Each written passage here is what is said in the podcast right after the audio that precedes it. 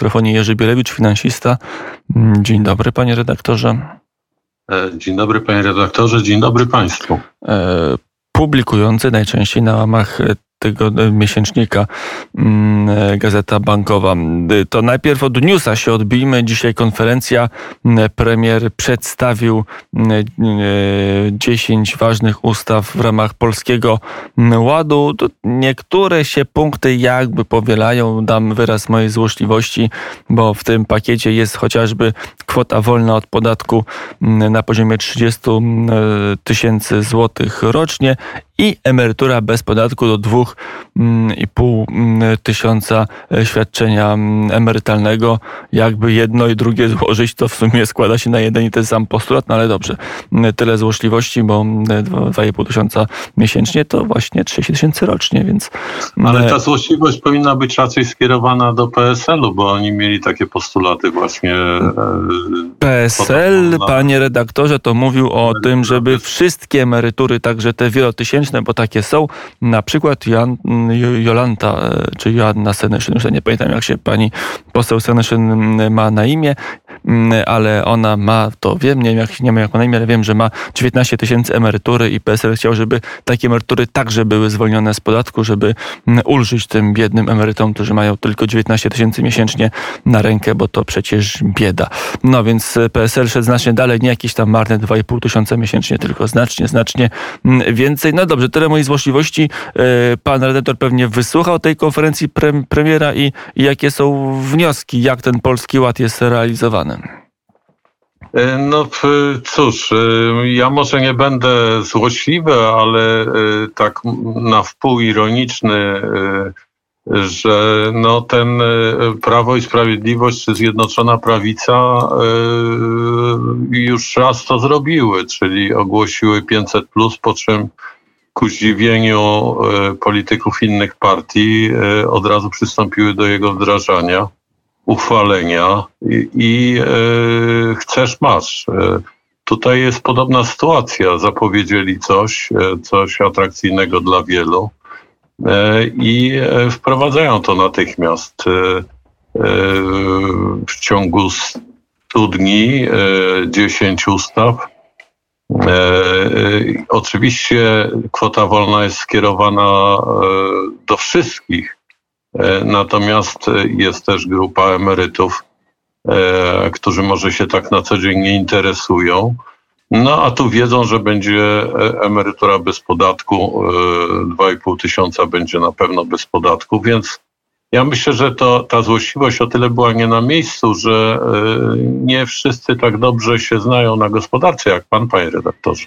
No dobrze, to jakby tyle mamy już za sobą. Jak to wygląda? E, mamy tą kwotę wolną, mamy mm, emeryturę bez podatku, ale mamy też inne kwestie. No, ktoś za to musi zapłacić.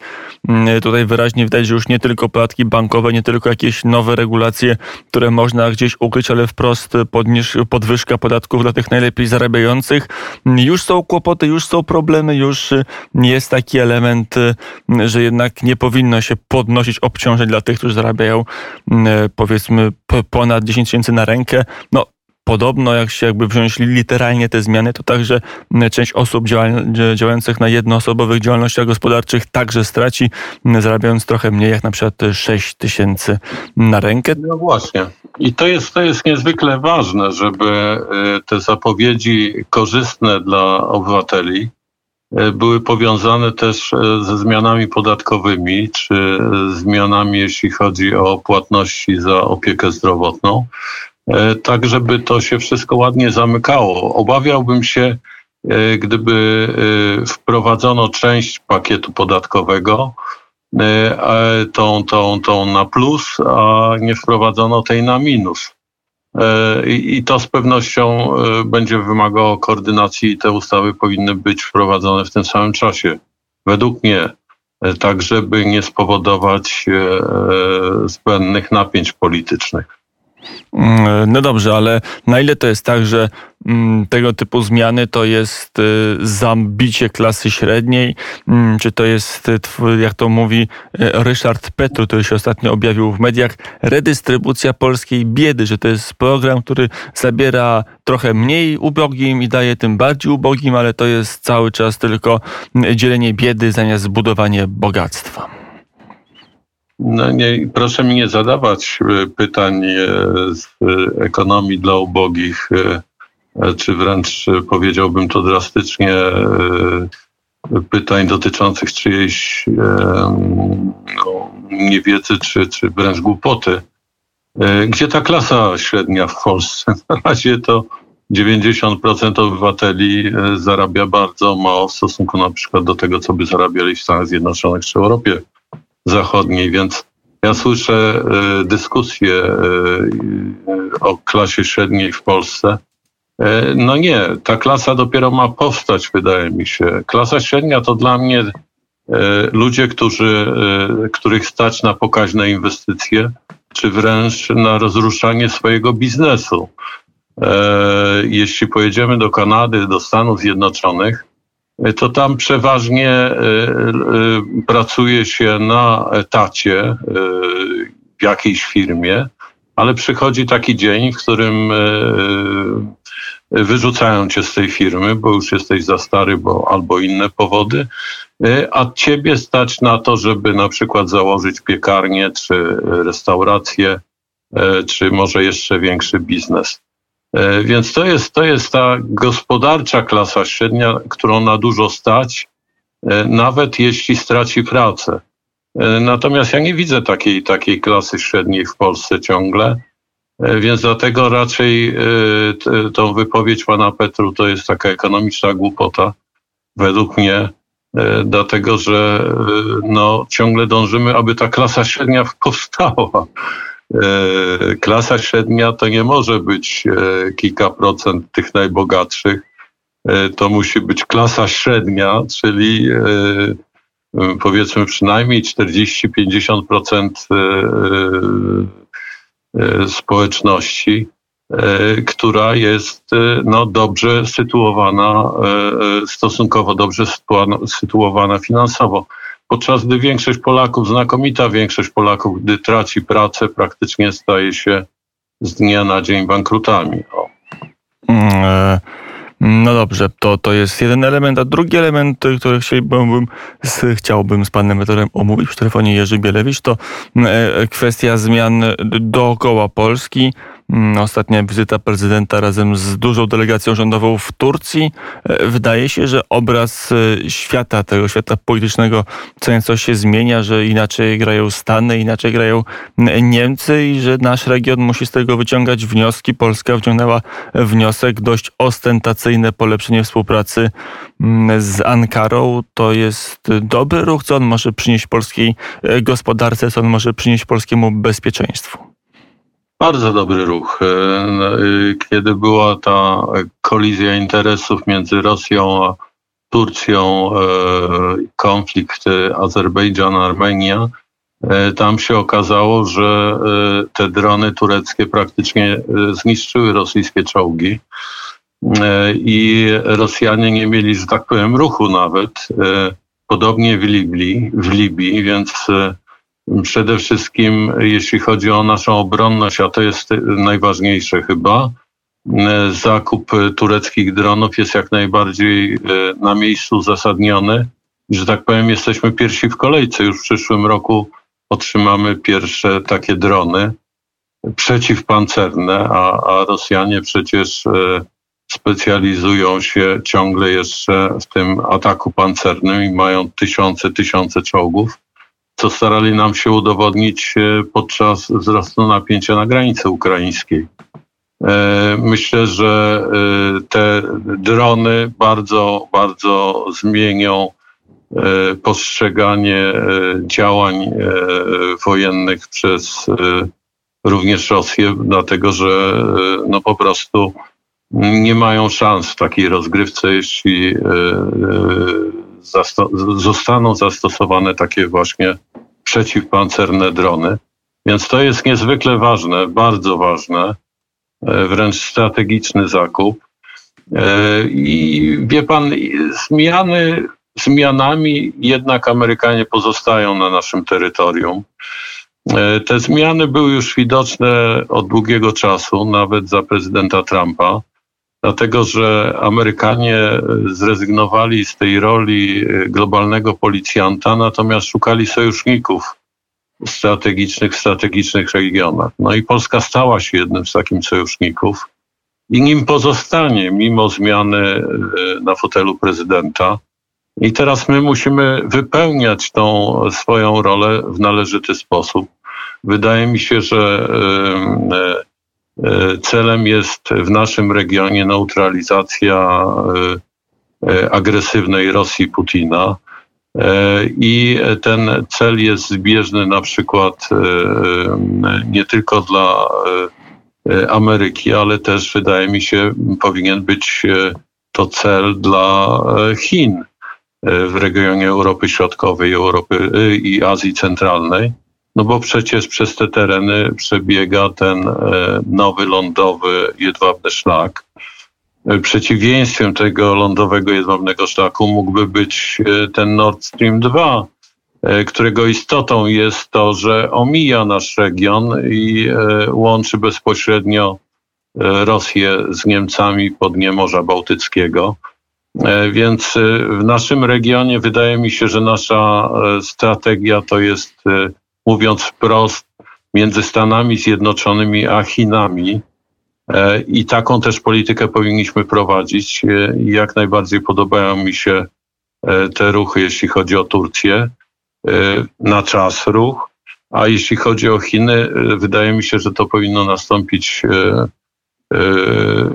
przy akceptacji Amerykanów, bo oni wiedzą, że w tym regionie taki jest rozkład sił o wiele wcześniej.